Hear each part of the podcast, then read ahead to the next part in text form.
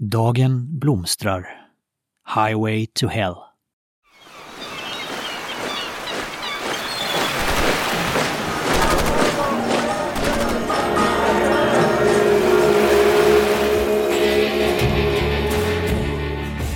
Hej, jag heter Mikael Hedman och den här podden är berättelsen om den unge mannen från Sverige som under tio år sökt det omöjliga. Hans fanatiska vilja och inte sällan desperata förhoppning att ta sig närmare sanningen om sig själv och livets innersta väsen är på väg att besannas. Han är inte längre en ung man, åtminstone inte i sina egna ögon. Han har bott i drygt 15 städer i fem länder på 10 år. Följt en handfull andliga lärare på nära håll. Uppnått grader av meditation och insikt som skulle få Dalai Lama att hoppfullt skicka vänförfrågan på Facebook. Nu har han tappat tron till meditation och sin förmåga. 32 år gammal bor han sedan några månader tillbaka i en bucklig Subaru i Oregons skogar. Som av en lycklig tillfällighet träffar han sin gamla halshuggne flickvän och får nobben. Men hon rekommenderar en människa som inte är som alla de andra andliga lärarna inom enlightenment-industrin. Han är sann och enkel och från Toronto. De bokar ett möte på Skype. Svensken berättar i korta ordalag om de tio år som förflutit. Han förklarar sitt nuvarande läge och frågar om den upplyste från Toronto kan hjälpa honom. Det kan han, men bara om han verkligen är seriöst intresserad, för det finns ingen återvändo. När han väl blir väckt till verklighet så kan han inte stänga av det igen. Och att bli väckt till verklighet är egentligen ingen vinst och definitivt inte särskilt bekvämt. Bara ett ofrånkomligt och naturligt steg, om man nu råkar känna så. Jag är redo, svarar svensken.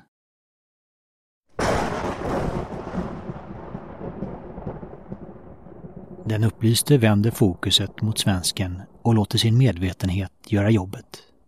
Efter några dagar märker svensken hur han plötsligt blir känsligare. Som om ett filter tagits bort. I närheten av de människor han dagligen träffar kan han registrera en obekväm anspänning och vissa ger honom huvudvärk om han sitter närmare än en meter. Det uppstår inga himlafyrverkerier eller extatiska andliga upplevelser. Ingen tystnad, inga insikter, snarare tvärtom. Vad är det som har hänt? Den upplyste svarar att så är det att vara vaken. Han förklarar man är inte längre instängd i sin bubbla och därför upplever man allt. Inte så kul alla gånger, men sant. Det du gjorde tidigare var att söka en fristad i det som inte ändras. I det absoluta, källan, medvetenhet, själen, kalla det vad du vill. Men du missade oftast och hamnade mest i olika exalterade andliga tillstånd som till exempel kärlek och klarsynthet. Inte i källan till alla tillstånd. Om du ens lyckas hitta källan så har du ändå bara halva verkligheten och missar den del av verkligheten som är fysisk form. Du är fastklibbad vid ett fixerat immateriellt tillstånd. Nu istället är alla upplevelser fria att hända och flöda genom dig. Du kan inte låsa dig till särskilda medvetandetillstånd såsom kärlek eller oneness. Livet är i flux och ändras hela tiden. Det består av både medvetenhet och allt som tar fysisk form. Eftersom det är vad verkligheten faktiskt är, så är det nu din verklighet, vare sig du gillar det eller inte.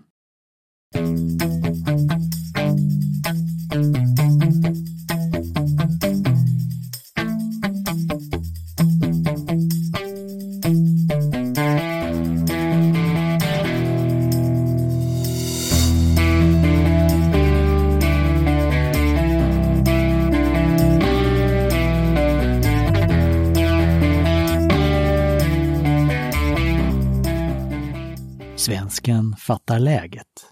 Det som tidigare var en process som han antog skulle leda till ett konstant, ljuvligt tillstånd bortom mänsklighetens slagfält, inser han nu var en stor missuppfattning. Resan leder till att förkroppsliga allt, ta emot allt, att bli flödet. Hans domän är inte enbart himlen, utan helvetet och allt däremellan också. Nu börjar det verkliga arbetet. Den upplyste påminner honom. Du har fått kapacitet att möta allt, medvetande kapacitet kan man säga. Men det är allt uppvaknandet ger dig. Potential. Du håller fortfarande emot allt som är smärtsamt i dig och söker dig till allt som är bekvämt. Det binder ditt medvetande till en isolerad identitet. Alltså den jag-känsla som försöker navigera mellan smärta och bekvämlighet. Det i sin tur splittrar dig mellan det som uppstår och din förhållning till det som uppstår. När du tillåter och upplever verkligheten så som den händer i varje ögonblick så integreras alla delar. Vad gäller det som tror att man ska göra sig av med sitt ego för att bli Buddha, glöm det. Det är bara i början som folk mediterar för att döda sin jag-känsla, för de söker febrilt efter upplevelsen av lugn. För de flesta är meditation inte meditation utan fascism. De vill ta bort det som verkar orent och söka det som verkar rent. I slutändan finns inget orent. Det finns bara ett med verkligheten eller separerad från verkligheten. Förresten, vart ska egot ta vägen om man tar bort det?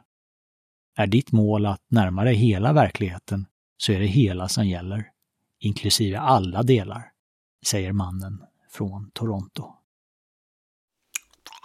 Svensken sög en stund på den karamellen och insåg att han till och med så här sent i sin utvecklingsresa nog hade förväntat sig en snabb lösning på allt som det innebär att vara människa. Tydligen skulle han inte kunna fly från sig själv eller smärtan av det mänskliga oket. Snarare lät det på den upplyste som att det skulle bli mer av den varan, utan mildrande distraktioner eller väggar i medvetandet. Jippi!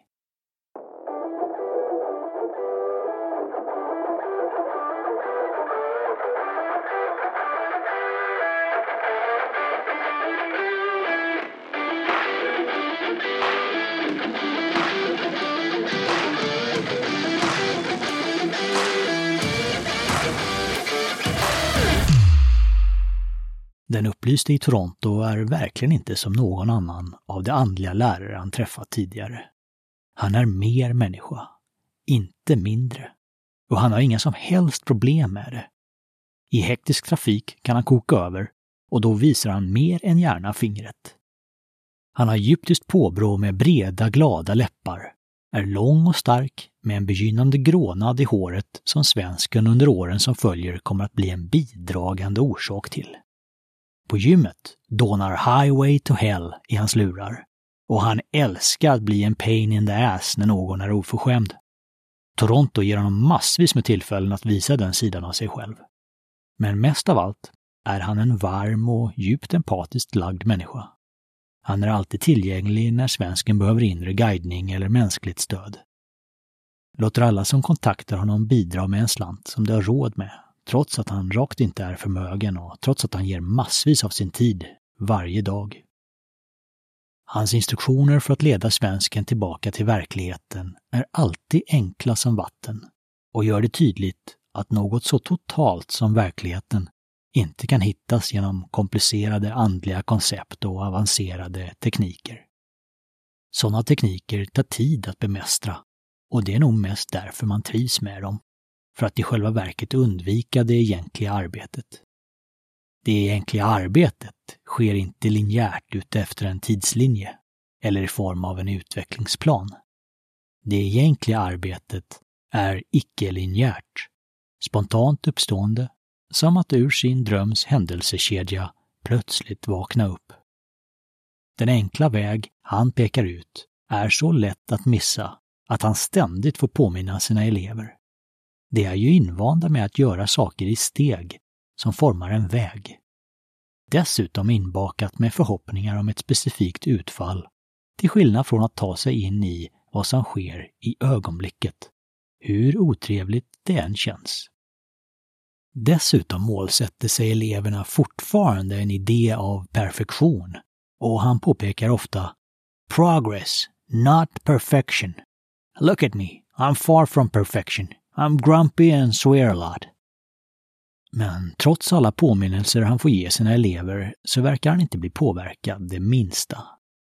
You have such great patience, säger svensken som redan fått hans hjälp att möta en och samma övermäktigt sorgsna känsla vid tre tillfällen den gångna veckan. Not at all, svarar han. I have real shitty patience, but I'm just here with you. What happens before or after is of little concern to me. Dessutom har han ingen agenda.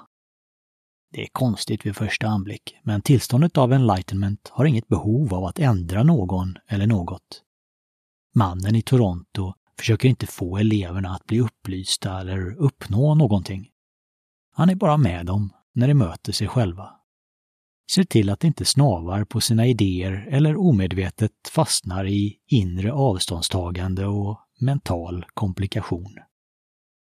Om det inte hör av sig på ett år eller två utan försvinner in i familj och karriär så är det lika bra för honom. Han möter dem var det är och leder dem hänsynsfullt i deras egen takt mot tomheten. Den ensamhet och meningslöshet som hotar när alla mentala förhoppningar släpper sitt grepp och verkligheten utanför tankevärlden öppnar sig under fötterna. Svensken simmar upp för floden och gör framsteg. Det känns som en kontrollerad simtur som är upp till honom. Sedan upptäcker han att simmandet inte riktigt är vad som händer. Floden har alltid bestämt och den äger honom. Det är den som för honom mer än hans egna simtag och det känns som att han är på väg mot ett vattenfall. Det är inte trevligt, men det är rätt. Den halshuggne tjejen och han själv är de enda eleverna. Efterhand tillkommer en tredje. Han är i 30-årsåldern, precis som det, och äger ett oljebolag. Han är sympatisk och det blir raskt nära vänner. Den halshuggne och svensken retar honom för att det är så otroligt oandligt att syssla med fossila bränslen. Den upplyste i Toronto rekommenderar att de tre inte belastar sina liv med för mycket nya åtaganden och förändringar eftersom uppvaknandet mår bra av att få landa i lugn och ro ett tag. Det tycker svensken låter rimligt och kastar sig direkt in i ett accelererat exekutivt MBA-program på universitetet. Foglig ska det ta många år innan han kan kalla sig och därtill har han en hel del världsliga ambitioner som ibland kompletterar sanningssökandet, ibland konkurrerar med det.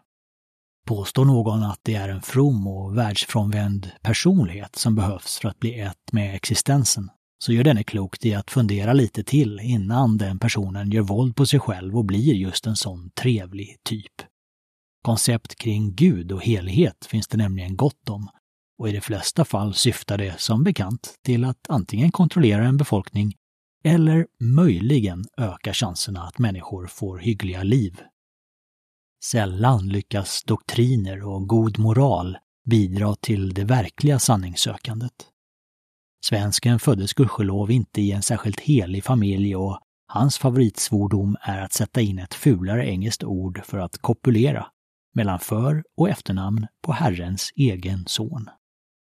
I vilket fall, allt han någonsin gjort är att försöka utforska en högre sanning och om möjligt bli den. Inte bli någons helgon. Att fromhet inte är synonymt med inre utveckling är ett väl känt faktum på Sjörövarkrogen med det passande namnet Den sista upplysningen.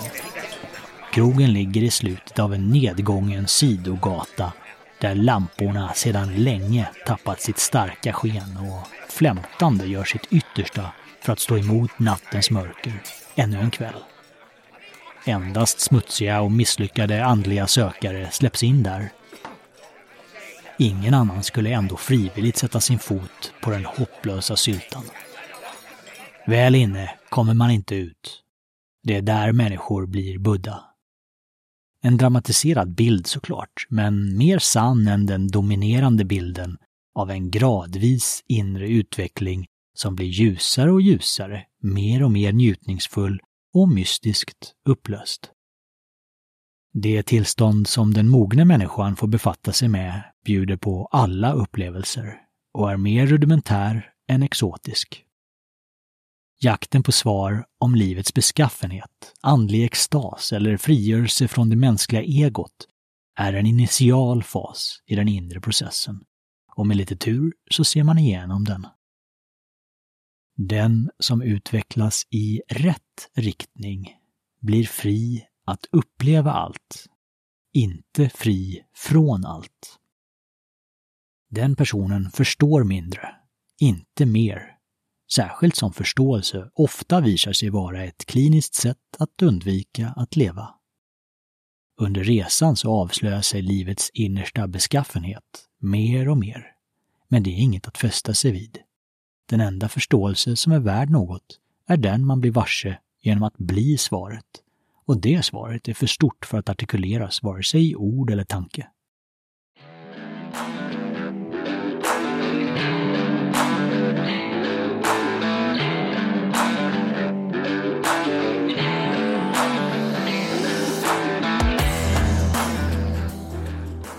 För de tre sanningssökarna sätter ett digert arbete igång.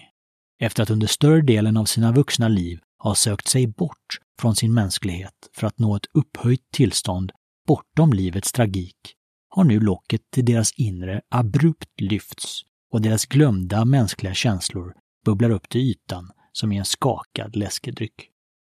De får raskt upptäcka att medan enlightenment är ett tillstånd som inte har något att göra med mänskligheten eller med något organiskt liv alls för den delen, så är det genom sin mänsklighet man möjliggör enlightenment. Den aspirerande buddhan rör sig tack vare sin fysiska form till sanningen. Hur? Genom att fullt tillåta och medvetet uppleva sina tunga minnen, smärtor och minst åtråvärda karaktärsdrag. Inte genom läkande terapi, utan genom ren upplevelse. Det låter självklart, men går tvärt emot den mänskliga instinkten att förbättra och behålla kontrollen. Det är faktiskt frågan om en dold dörr till sanningen, som är öppen när som helst för vem som helst.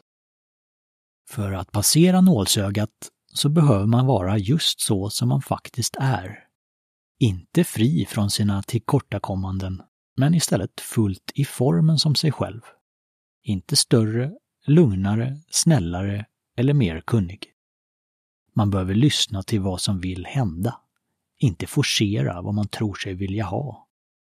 Den upplyste vägledaren påpekar ibland att deras metod inte ligger på känslonivå utan på en energisk nivå, precis på gränsen till formen av en känsla. Det relaterar till känslan, men möter den som energi. Likt en läkare pratar med en patient, men arbetar med patientens kropp. Det blandar inte in varför en känsla finns där, vad som orsakat den eller kanske händer i framtiden. Eventuell insikt och förståelse får uppkomma naturligt som en bieffekt efteråt, om så alls sker. På så sätt möter de medvetenheten i form av energi och införlivar den med sig själva. Det omsluter modigt de obekväma krafterna inuti istället för att rygga tillbaka och skapa en mental problemställning. Metoden är avskalad och enkel. Därför är den fri från de andliga sidospår som ofta tar fokus från att stå i kontakt med sig själv. Det frågar sig inte varför något är som det är, utan vad som är. Varför föder tankar som positionerar sig och i grund och botten försöker bli av med problemet? Vad ger ett närmande till det som uppstår? Det ena stödjer strategier att bemästra livet det andra ställer en i kontakt med livet.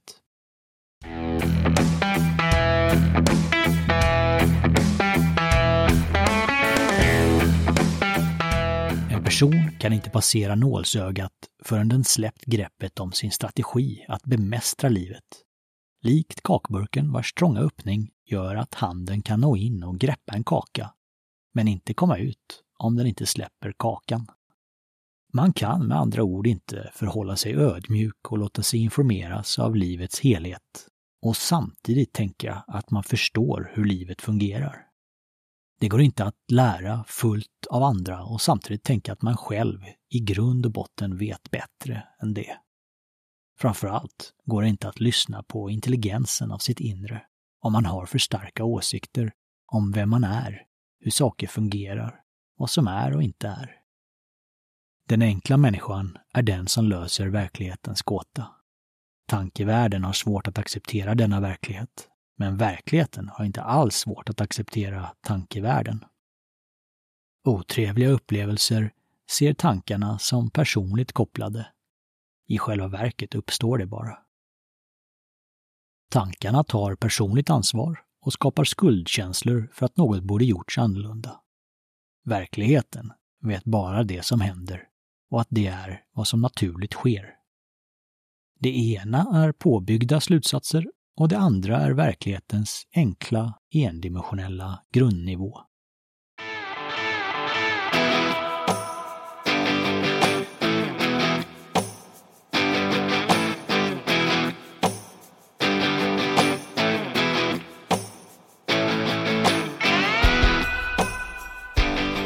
Vad svensken lyckligtvis sätter i främsta rummet är att han vill utvecklas.